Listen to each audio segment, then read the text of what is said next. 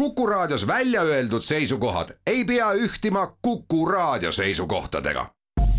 Te kuulate Kuku Raadiot.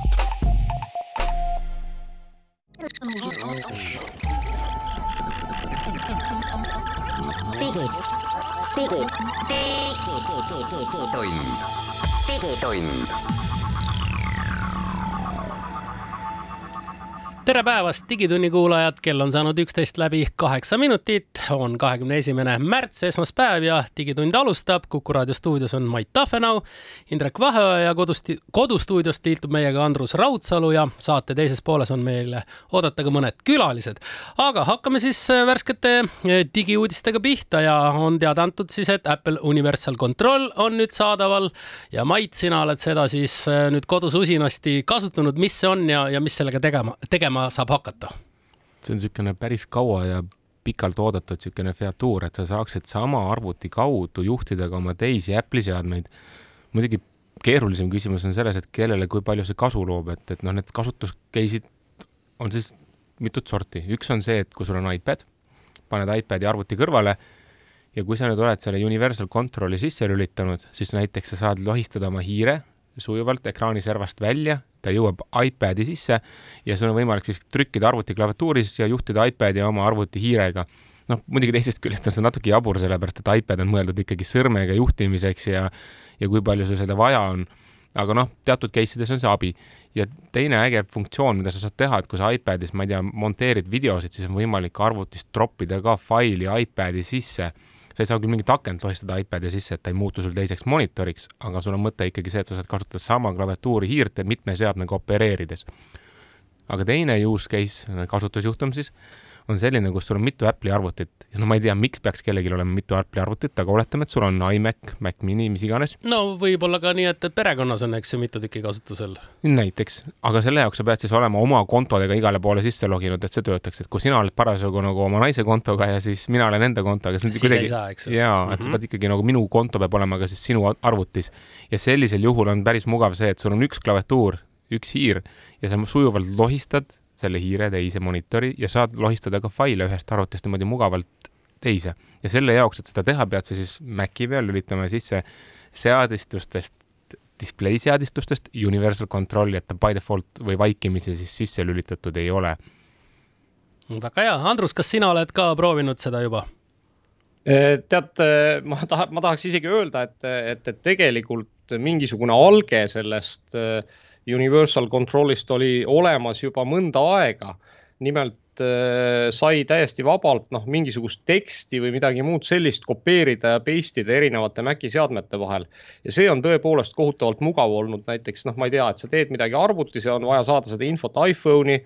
siis sa noh, teed lihtsalt copy paste ei, ei pea midagi muud mõtlema, eks ei pea endale saatma mingisuguseid tekstijuppe emailiga või SMS-iga või mingit muud moodi, vaid, vaid täiesti tavaline äh, vana hea copy paste töötab, nii et seda olen ma tõesti hästi palju kasutanud. aga muuseas, ma Maidule tahaks selle peale öelda, et, et, et kellel on kodus mitu Maci arvutit, mul on kohutavalt palju Apple'i arvuteid, sellepärast et nad lihtsalt ei sure ära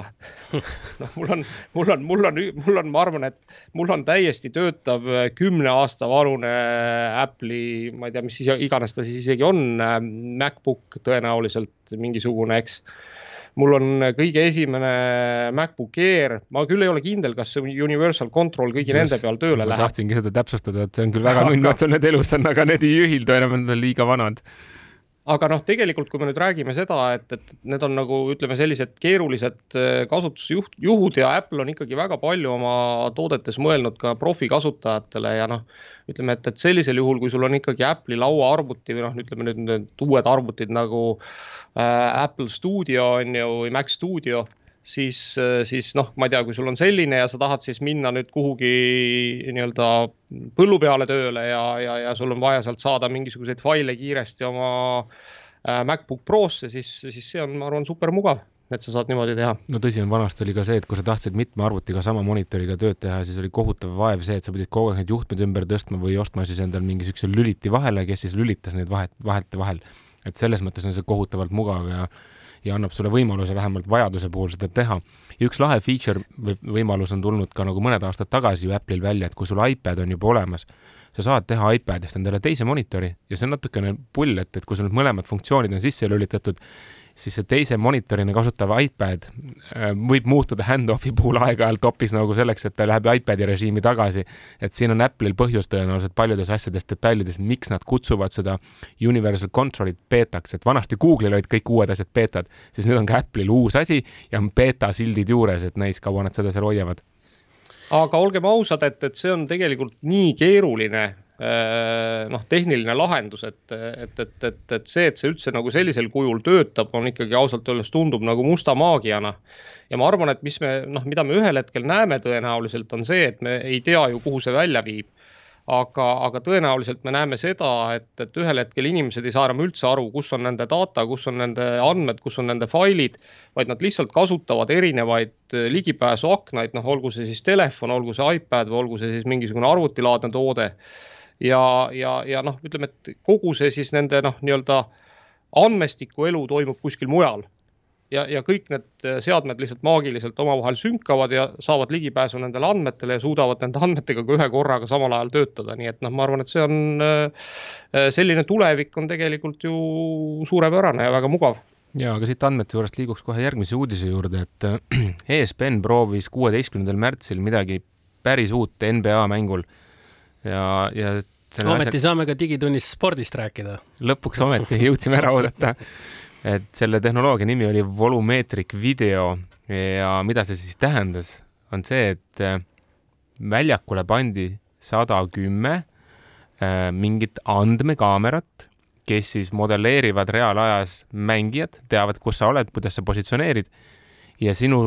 väljakust või klassikalisest korvpalliülekandest saab selline arvutimängu vaade et see ei ole mitte nagu ruumiline video, vaid see ongi arvutimängu vaade, kus siis renderdatakse need mängijad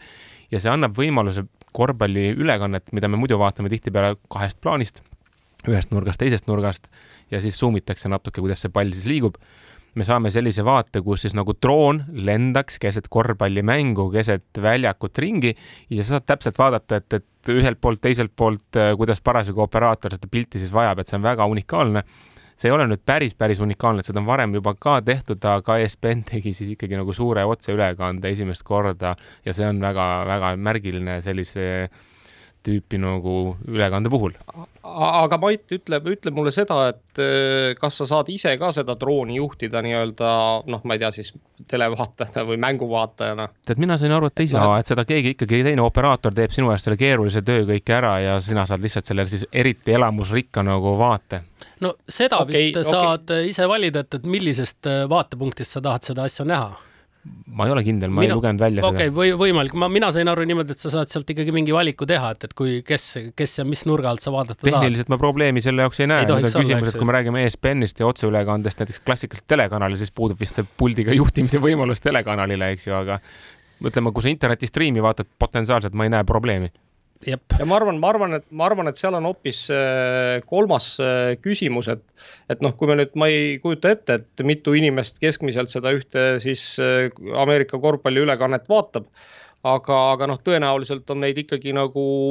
noh, ma, ma eeldan, et võib-olla miljonites näiteks või noh, äärmisel juhul eks sadades tuhandetes, aga pigem miljonites. et kui kõik need inimesed nüüd hakkaksid noh nii-öelda noh, nii-öelda ise väikeste droonidena ringi lendama seal, siis see arvutusvõimsus, mis selleks on vaja, et, et see pilt neile siis igale ühele personaalselt kokku panna, on ilmselt äh, hoomamatult suur. just, nii et. samas et, noh, pakkuda no, mingi kuute rendition'it oleks täitsa reaalne, eks ei, aga ma arvan, et me ühel hetkel sinna jõuame, tõenäoliselt veel mitte kohe, aga, aga igatahes äh, noh, väga huvitav äh, algatus, jah Läheme siit edasi nüüd äh, siis arvutimängude maailma ja Epic on nüüd teada andnud, et äh, värske Fortnite'i äh, season, mis algas, on eriline selle poolest, et Epic siis annetab kõik kõik äh, rahalised äh, liigutused, mis mängus tehakse, kaasa arvatud siis mängusisesed ostud, selle summa äh, annetab siis Ukraina heaks humanitaarsetel eesmärkidel. ja sellist asja nii suures mahus ei ole siis ka absoluutselt üldse tehtud ja siin me ei räägi siis, eks ole, mingist kasumist, vaid me räägime ikkagi kogu, kogu nendest ostude summast, mis siis ära antakse ja, ja järgmine põnev uudis oli see, et Telegram platvorm, mille kaudu inimesed suhtlevad, ei lugenud hoolega oma emaile ja sai Brasiilias bänni. et äh, põhjus muidugi oli selles, et äh, nad olid noh, nagu ikka igasugusel sisuplatvormil on mingisugune seadusest tulevad regulatsioonid, et sa pead aeg-ajalt eemaldama mingit sisu, mis ei vasta millelegi või mis iganes ja koht, kuhu kohus neile saatis, olid siis üld emaili aadressid, aga nemad omakorda oli öelnud, et palun saatke see kuskile teisele aadressile, mida nad jälgivad suurema tähelepanuga, aga Brasiilia kohus jätkas ikkagi nagu samale avalikule aadressile kirjutamist ja kuna nad seda nii hoolega ei jälginud, siis neid bänniti ära. no selline klassikaline näide ikkagi, et kuidagi selline kõige ametlikum ja üldisem email siis noh, kellelegi kuhugi ta läks, aga, aga samas nagu ei läinud ka ja, ja seetõttu siis, siis selline bänn tuli ja nad loodavad praegusel hetkel siis vastutulelikkusele, et äkki tullakse neile siiski vastu, et saab siis Telegrami Brasiilias ka kasutada. ja, ja järgmine põnev teema on Netflix et Netflix otsib uusi turusid ja, ja seoses sellega ma mäletan, üks palju aastaid tagasi Netflixi alguses äh, ütles üks huvitava lause välja, Netflixi juht, et kui inimesed ostavad endale Netflixi konto, siis nende poolest on see totaalselt fine, kui inimesed seda jagavad, seal on olemas nagu erinevad profiilid, mis sa saad igale vaatajale teha, vist viis tükki. ja kui te jagate seda kontot erinevate inimeste vahel, on see nende poolt okei okay praegusel hetkel, kus nagu video tootmine, sisu tootmine on kohutavalt kallis, nad otsivad uusi tulusid, on Netflix äh, tulude suurendamise eesmärgil öelnud välja, et me nüüd tahame sellest äh, uute tulude otsimise käigus saada nendest parooli jagamistest lahti. Ja selleks on tehtud siis esimesed alged, äh, kuidas seda teha ja no seal on äh, jällegi praegusel juhul testiga tegemist ja pakutakse siis teatavatele riikidele kasutajatele võimalust teha siis endale alamkontot soodsama tasu eest, seal ma ei tea, räägitakse paarist dollarist, eks ole, aga noh, näiteks USA turu puhul on toodud välja numbrid kümme kuni kakskümmend miljonit kasutajat, mis, äh, maksvat kasutajat, mis sellega juurde tahetakse saada. Ja oluline point peaks olema vist ka seal see, et sul on võimalus siis, kui sa eh, nii-öelda legaliseerid oma kasutaja nüüd uuesti, siis jätta oma vaataja ja eelistused alles, et sul ei kao, kao see informatsioon kuhugi ära. vot, ma arvan, see ongi see ja, põhiline. aga, aga, aga ma, ma, ma võib-olla siit vahele tooks ühe teise mõtte, et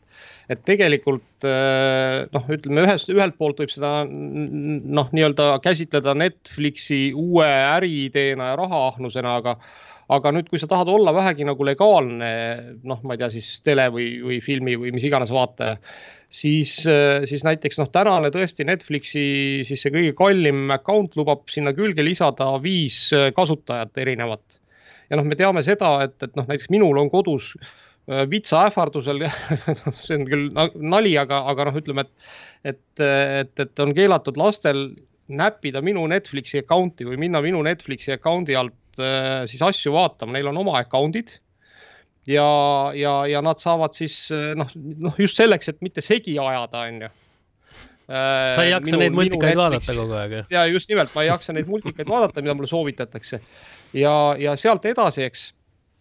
on, on see, et, et, et tegelikult ma tahaks sinna lisada veel paar inimest, kuna tegelikult on meie majapidamine suurem ja noh, ma ei saa ja, ja, ja nüüd on, nüüd on see, minu arust see Netflixi pakkumine on üks suurepärane pakkumine minule, et niipea kui see võimalus tekib, ma kindlasti kasutan selle ära ja, ja, ja kindlasti on see väga kaval Netflixi jaoks selle tõttu, et et, et noh, needsamad äh, lapsed, kes ühel hetkel ju loovad, eks oma, oma majapidamise ja, ja, ja, ja saavad ise lapsed, et neil tekib juba Netflixis profiil ja nüüd teine oluline asi, mis koos selle siis uue võimalusega tekkis, on ka oma profiili ülekandmine siis või noh, nii-öelda väljatõstmine kellegi teise alt, nii et sa saad kaasa oma noh, ma ei tea, kõrvale pandud äh, asjad, mida sa oled pannud oma vaatamise listi, need asjad, mis sul on vaatamises pooleli koos selle kohaga, kus nad pooleli on ja nii edasi ehk tegelikult tekib see võimalus nagu noh, nii-öelda saada uued inimesed Netflixi ja ühel hetkel nad ka noh, siis äh, sellest noh, mingisuguse ühe konto orjusest vabastada ja, ja noh, niimoodi, et nad saavad endale teha uue konto, nii et noh, kindlasti on see väga kaval äriline idee pikaajaliselt aga minu arust on see ka tarbijale väga kasulik. nüüd me lähme aga väikesele reklaamipausile ja oleme juba hetke pärast Digitunnist tagasi.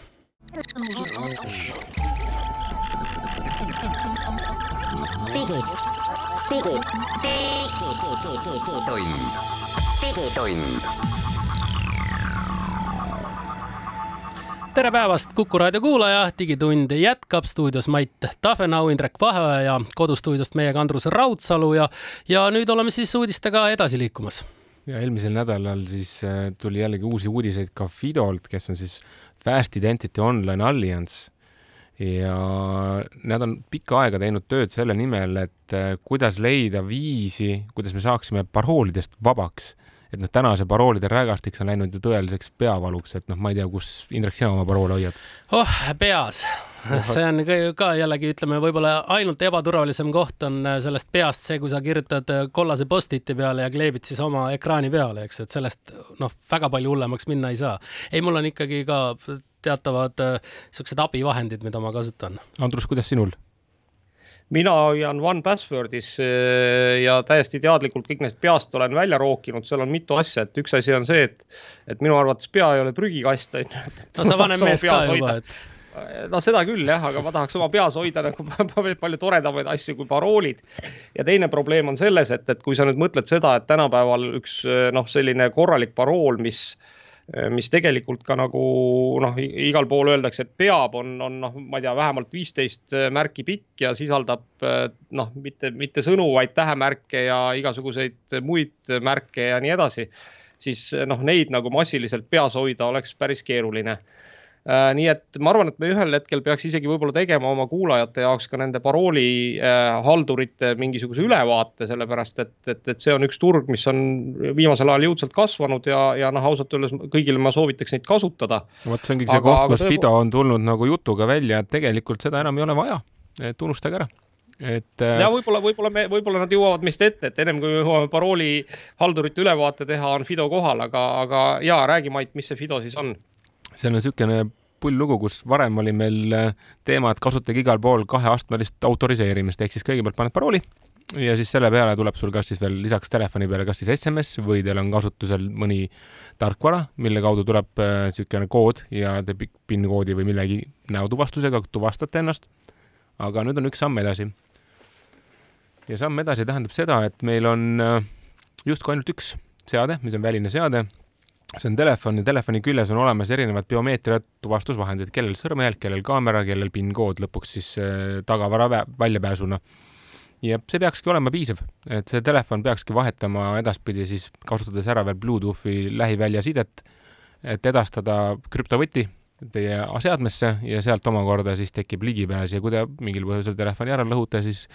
kaval pilv tuleb teile appi, kõik need on sünkroniseeritud, teie biomeetriline informatsioon on seal endiselt kusagil alles hoitud ja selline see loogika peaks olema ja selle Fido grupiga on liitunud tegelikult suur hulk erinevaid ka nagu suuri nimesid, et, et, et tegelikult äh, ei peaks üldse muretsema, et pigem on raskem küsimus selles, et mis tempos need integratsioonid tehtud saavad, et äh, kahjuks juhtub alati niimoodi, et kui see tehnoloogia tuleb välja, siis kõigepealt me peame selle nagu provider itena omaks võtma, siis nad peavad seda arendama, siis peab see kuidagi kasutajateni jõudma, et ma arvan, et päriselt see jõuab ikkagi nagu inimesteni, see võtab ikka noh, vähemalt aasta-kaks aega nii et paroolihaldur on teema.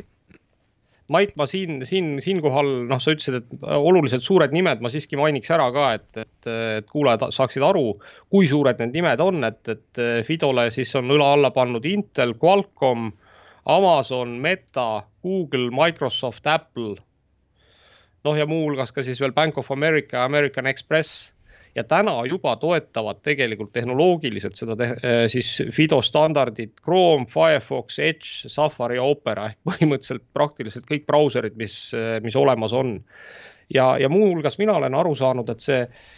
Fido ei tööta ilmtingimata ainult telefonil, vaid sa võid lõpuks sellest noh, nii-öelda selle oma võtmekandjaks teha ka oma nutikella, oma, ma ei tea, noh, tahvelarvuti või noh, minu pärast kasvõi nagu laptop'i, et et küsimus on jah oluline see, et, et, et kindlasti noh, ütleme, et siin juhul, kui telefon saab teie võtmeks, siis on oluline see, et, et teie telefoni äh, siis äh, PIN kood ei oleks null, null, null, null, null, null või üks, üks, üks, üks, üks, üks, eks, et, et siis tasub ikkagi selle peale mõelda, et, et noh, et, et, et, et see telefon ka kuidagi ära kaitsta natuke turvalisemalt, aga, aga põhimõtteliselt tõesti, et et, et, et ülimugav äh, viis ja tegelikult on ta turvalisem kui ütleme, tänapäevased äh, salasõnad just selle tõttu, et, et noh, salasõnasid ju üritatakse ka õngitseda. Ja noh, äh, ikkagi teadmatud kasutajad võivad neid kirjutada mõndadele saitidele, noh, mis näevad välja väga, eks päris saidi moodi, aga tegelikult ei ole teps, teps mitte need päris saidid ja, ja, ja sellega endale palju kahju tekitada, et vot see on nüüd küll üks asi, mille see Fido täiesti välja ravib aga nüüd me liiguks edasi, meil on kolm krüptouudist veel, kui me krüptolistest paroolidest rääkisime. et esimene on see, et Ukraina valitsus toimib vaatamata sõjale, et Zelenskõi kirjutas alla krüptovarasid reguleerivale seadusele ja krüpto on nüüd täiesti legaalne Ukrainas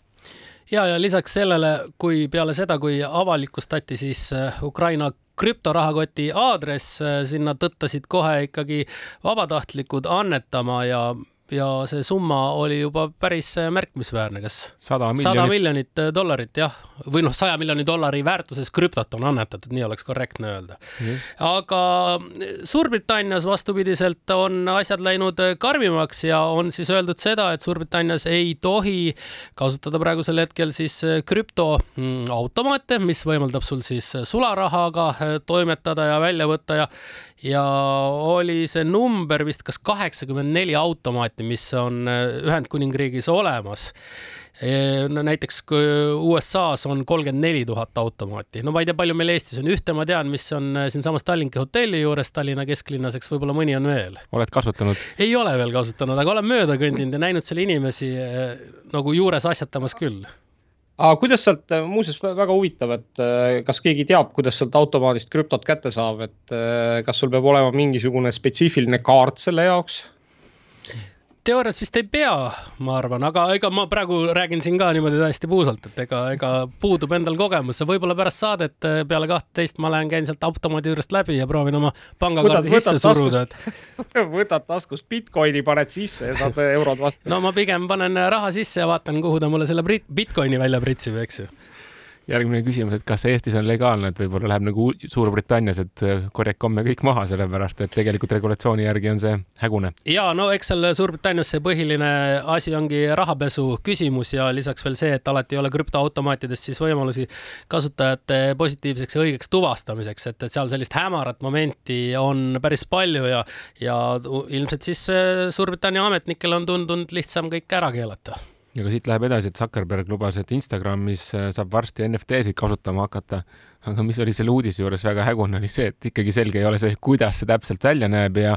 ja me teame ju kõik, et selle NFT maailma täna võib-olla kõige suurem häda on see, et seal on nagu ka omad pettused ja omad nagu mured, et, et kuidas sa ikkagi tead, et Indrek oli selle pildi omanik, mida ta tegelikult ka seal NFT-na üles laadis no ega see, ega see nagu probleem, et, et neid pettuseid on, neid on ju ka tavamaailmas, et tõenäoliselt võid sa kuskilt noh, ütleme laadalt ka leida inimese, kes äh, müüb mõnda Aivazovski meremaali, eks, mis ei ole tingimata Aivazovski maalitud, eks. aga, aga, aga noh, ütleme, et, et, et see äh, noh, on niisugune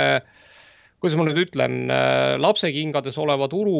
äh, arengu küsimus, et, et kindlasti ühel hetkel tekivad äh, kohad, kus on võimalik nagu saada infot selle kohta, eks ja noh, ja, ja, ja miks mitte noh, ütleme, et Instagram iseenesest olles nagu väga suur platvorm on ju suudab ikkagi tõenäoliselt ka seda infot nagu suhteliselt hästi pakkuda. Ja nüüd teine asi, mida me ei tohi ära unustada, et Instagram on noh, juba täna, eks koht, kus väga paljud äh, siis sisuloojad noh, originaalsisu loovad, on ju. ja, ja, ja, ja miks siis mitte võimaldada neil nendest noh, juba olemasolevatest asjadest, mis nad sinna Instagrami on postitanud, luua ka NFT-sid ja neid siis teistele kasutajatele maha müüa. sest eks lõppkokkuvõttes ühte niisugust tsentraalset kohta on vaja, eks täna noh, võib-olla OpenSea on nagu kõige lähem sellele, aga noh, OpenSea on ka ikkagi ütleme, et äh, seal on omad probleemid ja, ja noh, ma arvan, et kõik see on nagu alles väga algusjärgus, et kindlasti noh, Instagram oma suuruse ja turujõuga võib võtta täiesti tsentraalse koha sellel NFT-de turul. Kuule, aga originaalsisust rääkides,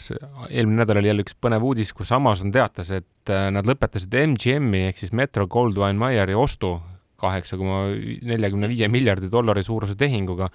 et oma tele ja filmide pakkumist laiendada, et see natuke läheb sinna Netflixiga konkureerimise valdkonda, et et täna ju kõik suured platvormid äh, võitlevad selle nimel, et kellel oleks see kriitiline mass sisu, mille pärast kasutajad oma dollarid just neile tooksid.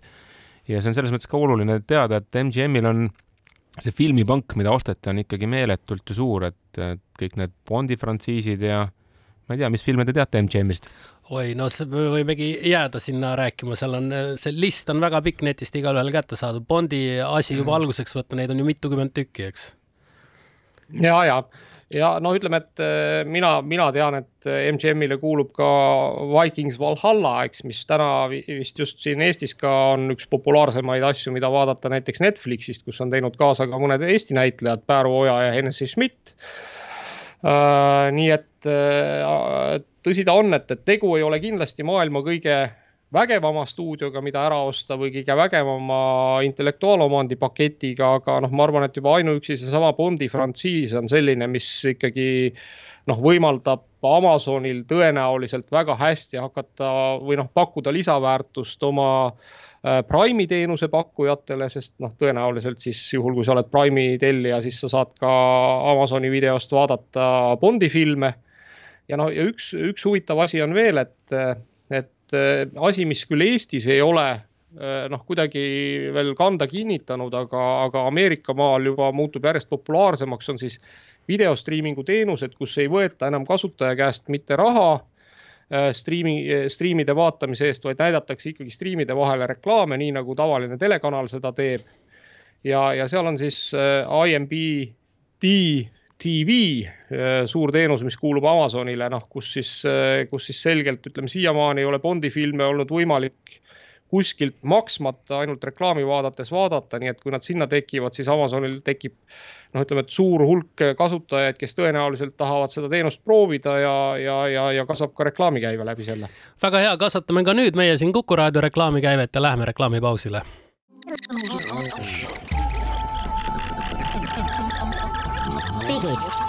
digid, digitund, digitund. Tere tulemast tagasi Digitundi kuulama ja stuudios on meil Indrek Vaheoja, Mait Tahvenoo, siis meil kodust kaugelt on Andrus Raudsalu. Ja meil on täna ka kaks külalist. tarbijakaitse Tehnilise Järelevalve Ametist on Oliver Kailan, sideosakonna juhataja ja Erko Kulu, sagedushalduse talituse juhataja. Ja tänane teema meil on erakorraline side, et noh, natuke nagu Ukraina valguses, et kuidas me teaksime, kui midagi olulist, on see siis mingisugune katastroof, mis iganes oluline sündmus, mida inimesed peaksid teadma, et kuidas erakorraline side tervikuna täna toimub, et mismoodi need, mis vahendid mul peaksid olema, mida ma peaksin jälgima, kust kaudu see informatsioon minuni tuleb? ja tervist, Kuku raadio kuulajad et jaa, selline kiire ohuteavitus on kõige efektiivsem siis, kui info edastamiseks kasutatakse neid vahendeid, mis on inimestel kodus kättesaadavad ja väga laialt levinud.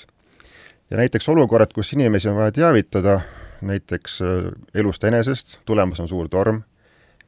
näiteks juhtub mõni keemiaõnnetus või mingi muu õnnetus, ja inimestele on vaja anda suuniseid, et kuhu liikuda, mida teha, kuidas käituda, et selleks on selline kiire ohuteavitus hästi vajalik. Ja riik on selle kõik läbi mõelnud, kuidas neid asju teha, milliseid kanaleid ja sidevahendeid kasutada, kui on vaja info mõne hädaohu kohta kiiresti kodanikeni viia, ja see on lausa reguleeritud erinevate seadustega, ja hetkel on kiireks teavituseks kasutusel massimeedia üleüldiselt, nagu ajakirjandus, ka veebiportaalid, ja kui rääkida sidevahenditest, siis mobiiltelefoni SMS-teenus ja endiselt vana hea raadio ning televisioon. No raadiost nüüd rääkides, et äh, raadiost on ju tegelikult väga palju erinevaid riik, liike, et, et noh, alustame sellest, et ma muidugi ei tea, palju meil täna üldse inimestel kodus kellelgi raadiot alles on, me ükskord arutasime hiljuti selle üle, et enamasti meil autos on, aga aga mis asi meil kodus võiks olemas olla selleks, et ma saaksin raadiost signaali kätte, kas on mõni soovitus või mõni? No raadio soovitus konkreetselt, et võtta riigilt vastu hädaohuteateid, on tegelikult äh,, raadio võiks olla selline, mis on patareidega. Äh,, selline mahub taskusse, hea kuulata kuskil, kaasa võtta ka näiteks, kui on vaja kodust lahkuda, et äh, lühidalt öeldes jah, selline, et, et iseenesest raadio kui teenus on üle saja aasta juba eksisteerinud ja eksisteerib ilmselgelt veel ka edasi, eks ja. ole, ja no ma ikkagi, Mait, ütlen sulle, et paljudes kodudes on ka hommikused äratuskellad, on kellraadiod, on veel kasutusel, eks ole, lisaks veel on inimestel köögis raadiod olemas ja nii edasi, et see võib-olla sinu äh, tehnoloogiline kodu on, on raadio välja visanud, aga paljudel inimestel on ta veel täiesti kodus olemas. no ma pean ütlema, et peale tänast saadet ma lähen endale otsin ühe niisuguse raadio ja ma kindlasti hoolitsen selle eest, et need patareisid oleks mul ka seal varuga kõrval aga, aga kuulge, kuulge, aga ma, ma tahan, võib, võib, võib ma ka siit kaugelt vahele öelda oma nagu äh, siis ma ei oska öelda, kas vähe või ülitehnoloogilisest kodust, et, et äh, nüüd tõepoolest siin Ukraina sõja valguses ma jõudsin ka sinnani, et, et mul seda tavapärast raadioaparaati ei ole. Ja väikene guugeldamine siis viis mind selleni, et tellisin Amazonist endale sellise raadio, mis peaaegu et mahub taskusse, natuke suurem on ja mida on võimalik siis ka vändaga laadida ja millel on ka päikesepatareid. Sa oled ikka eriti hästi ette valmistanud. Jah, ma, ma ka tunnen, et võib-olla ma olen natuke üle ette valmistanud, aga tegelikult, kui ma hakkasin mõtlema tõepoolest sellele, et noh, et kui peaks juhtuma selline olukord, et noh, mis iganes see siis on, et kas, kas noh, annaks seda jumal, et seda kunagi ei juhtu, et, et on, on siis mingisugune sõjaolukord või noh, mis iganes ka mingisugune looduskatastroof, eks, mille tulemusena noh, ma ei tea, kasvõi mobiilside on näiteks häiritud või, või noh, ma ei tea, 4G, 5G ei tööta, see tähendab tegelikult seda, et noh, me oleme umbes samasuguses olukorras nagu siis noh, tundub, et Vene sõjavägi on Ukrainas, eks, kes ise tulistas puruks mobiilimastid ja noh, siis selgus, et kogu nende krüpteeritud side oli üles ehitatud 4G äh, mobiilsidele ja, ja noh, lõpuks siis lõpetasid sellega, et kasutasid mingeid Hiinast toodud raadiosaatjaid, mida oli väga lihtne pealt kuulata. aga teemegi no, siinkohal selgeks äkki, et mis need eriliigid üldse on? just, et kui me selles olukorras oleme, siis mina arvan, et see Vändaga raadio on väga hea, onju. õige. aga mis need eriliigid on, mis äh, sideliigid veel on lisaks äh, tavalisele raadiole? no tavalisele raadiole muidugi lisaks on väga palju neid sideliike, et äh, kui me üldse räägime nii-öelda Äh, raadiosageduste kui selliste raadiolainete kasutamisest, siis tegelikult see maailm on nagu väga-väga lai, et äh, see raadio, mida igapäevaselt kuulame, see on nagu üks valdkond ainult, et et tegelikult meie jaoks kogu selline raadioside üldiselt noh, see hakkab, ütleme, sinu nutikellast, mis sinu käe peal on, kuni võib jõuda kuni satelliitside terminalini, on ju. et tegelikult niisugused raadiolained kui sellised on üsna igapäevaselt meie ümber, et me isegi ei taju neid, et me, meie jaoks on see nagu täiesti loogiline, juba igapäevane.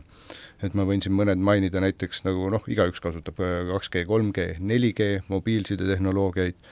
siis muidugi äh, televisiooni veel äh, et televisioon on liikunud palju nagu kaablisse, aga tegelikult ikkagi väga palju võetakse ka antenniga veel vastu,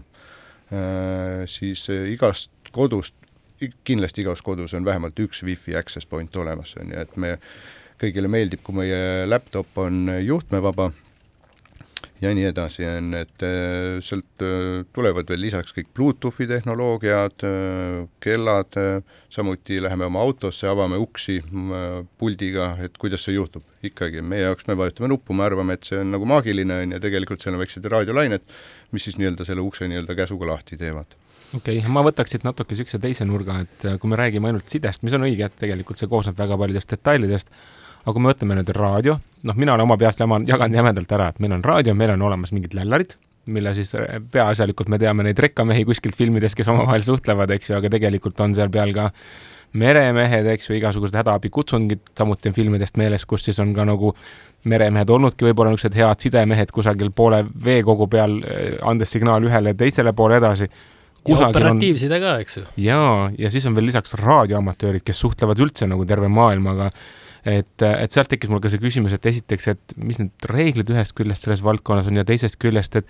mis need leviulatused üldse on, et, et millise viisiga on võimalik, kui kaugele suhelda, kui meil on eriolukord mm? -hmm. nagu ma aru saan, sa mõtled niisugusi ähm, nii-öelda kõnesidetehnoloogiaid, et kui me saame suhelda näiteks ka olukorras, kus äh, mobiilsidelevi enam ei ole et sellised alternatiivmetoodikad, et, tegelikult meil on Eestis ka väga vabalt, et kui sa lähed poodi, võid sa osta endale raadiosaatjaid, on ju, kui sa nüüd äh, astud sisse sellise ähm, raadiotehnikaga tegelevasse poodi, siis tegelikult leti peal on sul saada kahte tüüpi äh, raadioid. üks on sellised äh, äh vabakasutusraadiod ja teised on professionaalsed. mis nüüd tegelikult see vahe on, see professionaalsed, nad eeldavad, et sa võtad endale sageduse, sageduslitsentsi, maksad selle eest et äh, rahva seas rohkem on kasutusel selliseid vabakasutusraadioid. vabakasutus iseenesest tähendabki seda, et sul, sa ostad selle raadiod ära,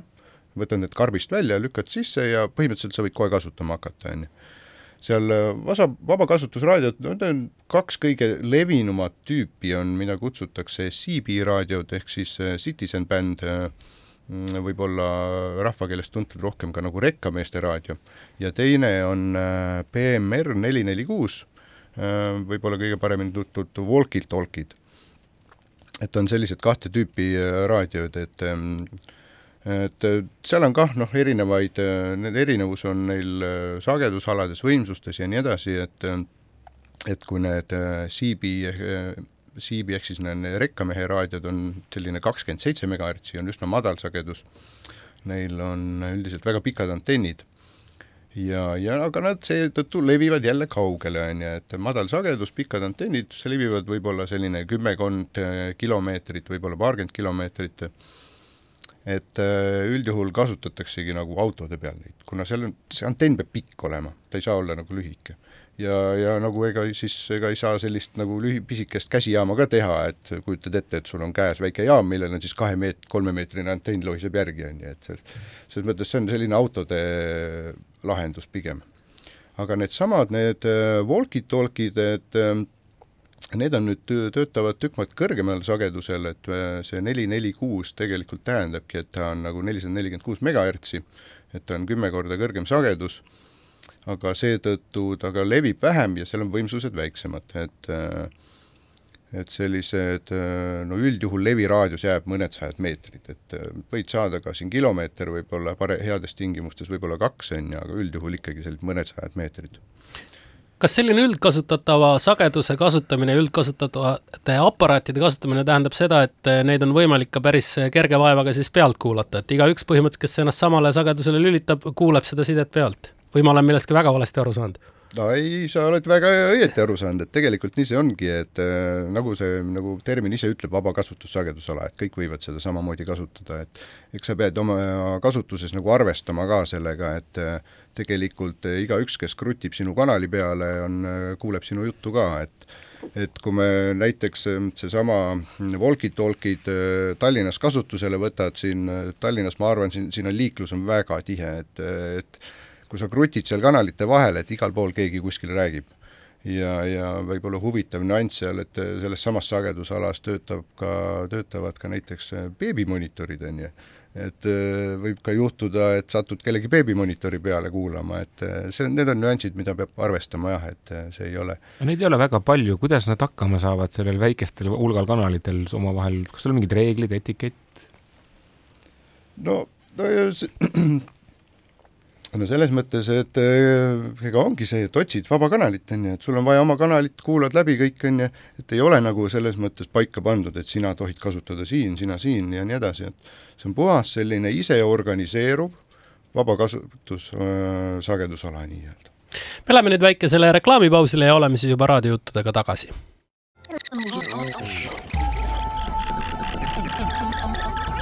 digid, digid, digitund, digitund tere päevast, Digitunni kuulajad, oleme reklaamipausilt tagasi, Mait Tafenau, Andrus Raudsalu, Indrek Vaheoja siin stuudios ja meil on külas ka Tarbijakaitse Tehnilise Järelevalve Ametist Oliver Kailan ja Erko Kulu ja me siin rääkisime küll ka sellistest kodustest raadiokuulamise võimalustest, aga, aga, aga mis veel peaks kodus olemas olema igaks juhuks, et kui nagu midagi juhtub, on see siis mis iganes katastroof, et millised seadmed noh, lisaks siis seal patareidega käivale raadiole veel võiksid olla? no kui tulla tagasi mobiilsidevõrkude juurde, siis tegelikult meil Eestis on kolm paralleelset võrku ja tihti inimesed on liitunud ainult ühe sideettevõtja teenusega ja, ja ma tegelikult soovitaks nendel inimestel, kellel on side eluliselt tähtis, kas tegelevad oma äriga või, või kellegi lähedasega vaja suhelda, et noh, neid, neid juhtumeid tuleb küll väga harva ette, kui ühe sideettevõtja teenus nagu täiesti maha kukub. Aga siiski võiks nagu selleks olukorraks valmistuda ja ma soovitaks näiteks võtta täiesti juurde mõne teise teenusepakkuja kas või kõnekaart, mille siis pista telefoni ja saada siis näiteks teha oma vajalikud kõned ära või.... kas üheks oluliseks asjaks ei võiks olla ikkagi vana hea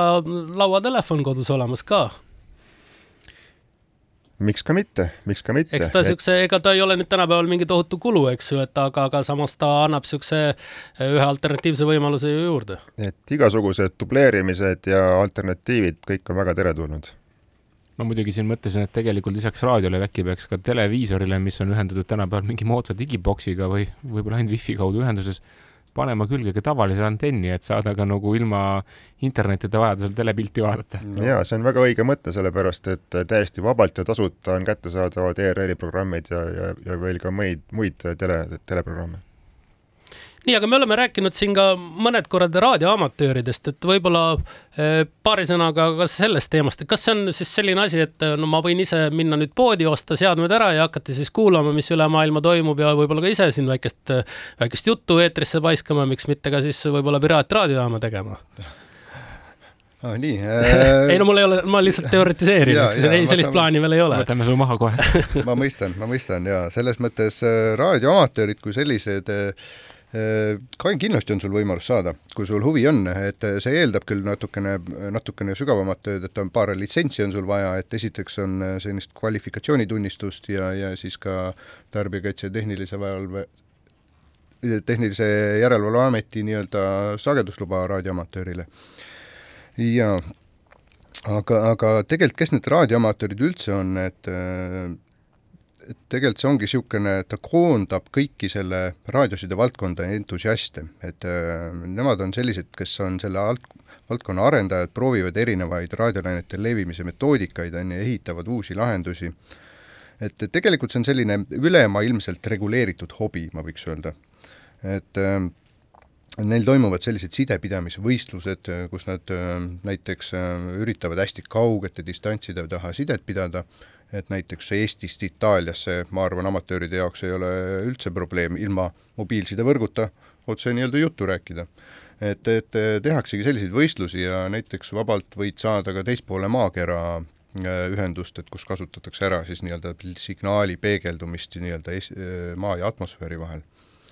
et äh, iseenesest olen kuulnud ka niisugusest väga huvitavast metoodikast, et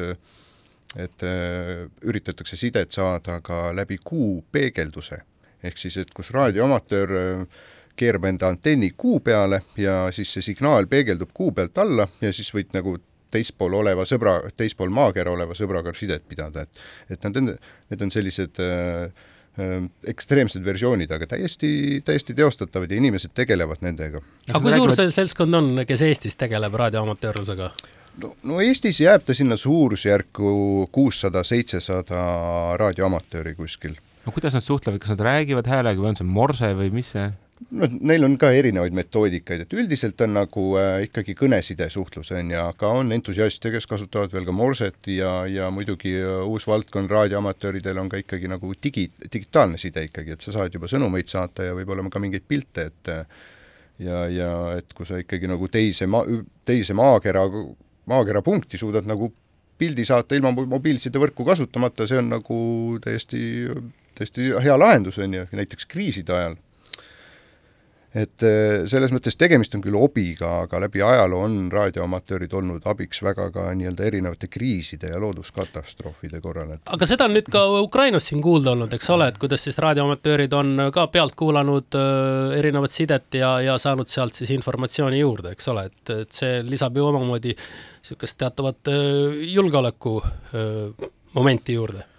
jaa, kindlasti, ma arvan, et äh, Ukraina raadioamatöörid, neil on väga aktiivsed ajad praegu, et äh, nad teevad väga palju koostööd nii-öelda riigiga äh,, samamoodi ka vaatavad, mis siis nii-öelda see teine pool räägib raadioeetris, et neil on vastavad seadmed olemas, on ju, et ma arvan tõesti, et Ukraina amatöörid on praegu väga aktiivsed ajad, jah. kas te mäletate, vanasti oli niisugune vägev programm nagu Ameerika Hääl, kus siis eestlased rääkisid eestlastega kuskilt lombi tagant, et mismoodi see toimis? No Ameerika Hääl oli ju teatavasti ikkagi ringhäälingu programm,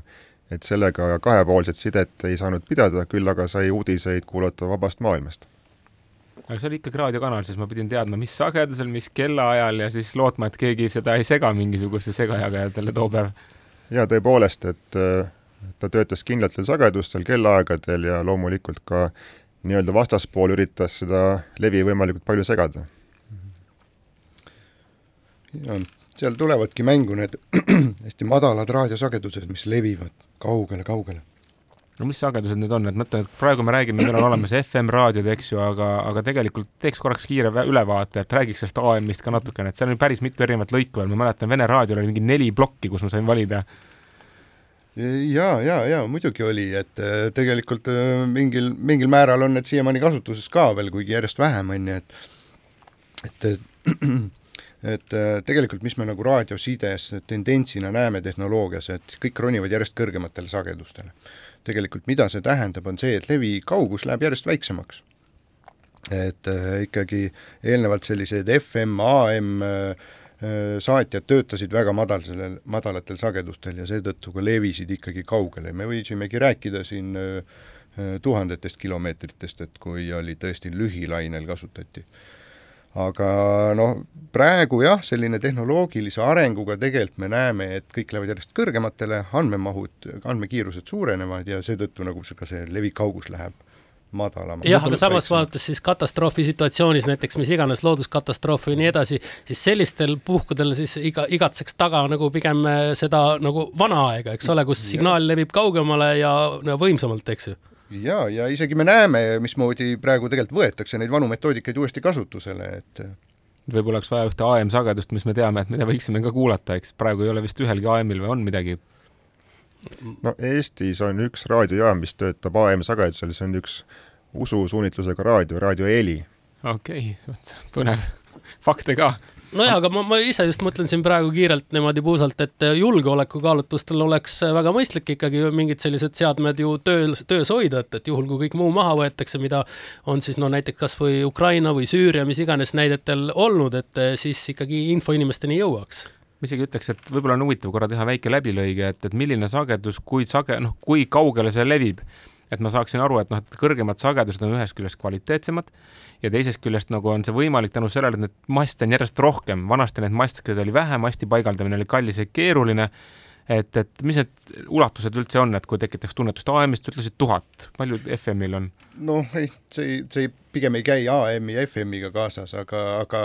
no ma julgeks öelda, et need varieeruvad siin sentimeetritest kuni tuhandete kilomeetriteni, et et, et noh, ongi AM-i sagedused, mida vanasti kasutati, oligi tuhandeid kilomeetreid, on ju, et aga nüüd meil on siin kümned kilomeetrid, ma arvan, et siin viie aasta perspektiivis näeme lahendusi, mis on meil ühe toa raames ainult. pane väga hea, no kuigi see raadio on põnev teema ja juttu jätkuks siin tundideks ja tundideks, siis kahjuks Digitunni saateaeg ei ole kummist. aitäh, Oliver Kailan, aitäh, Erko Kulu, tulite meile külla ja meie kohtume teiega juba nädala aja pärast.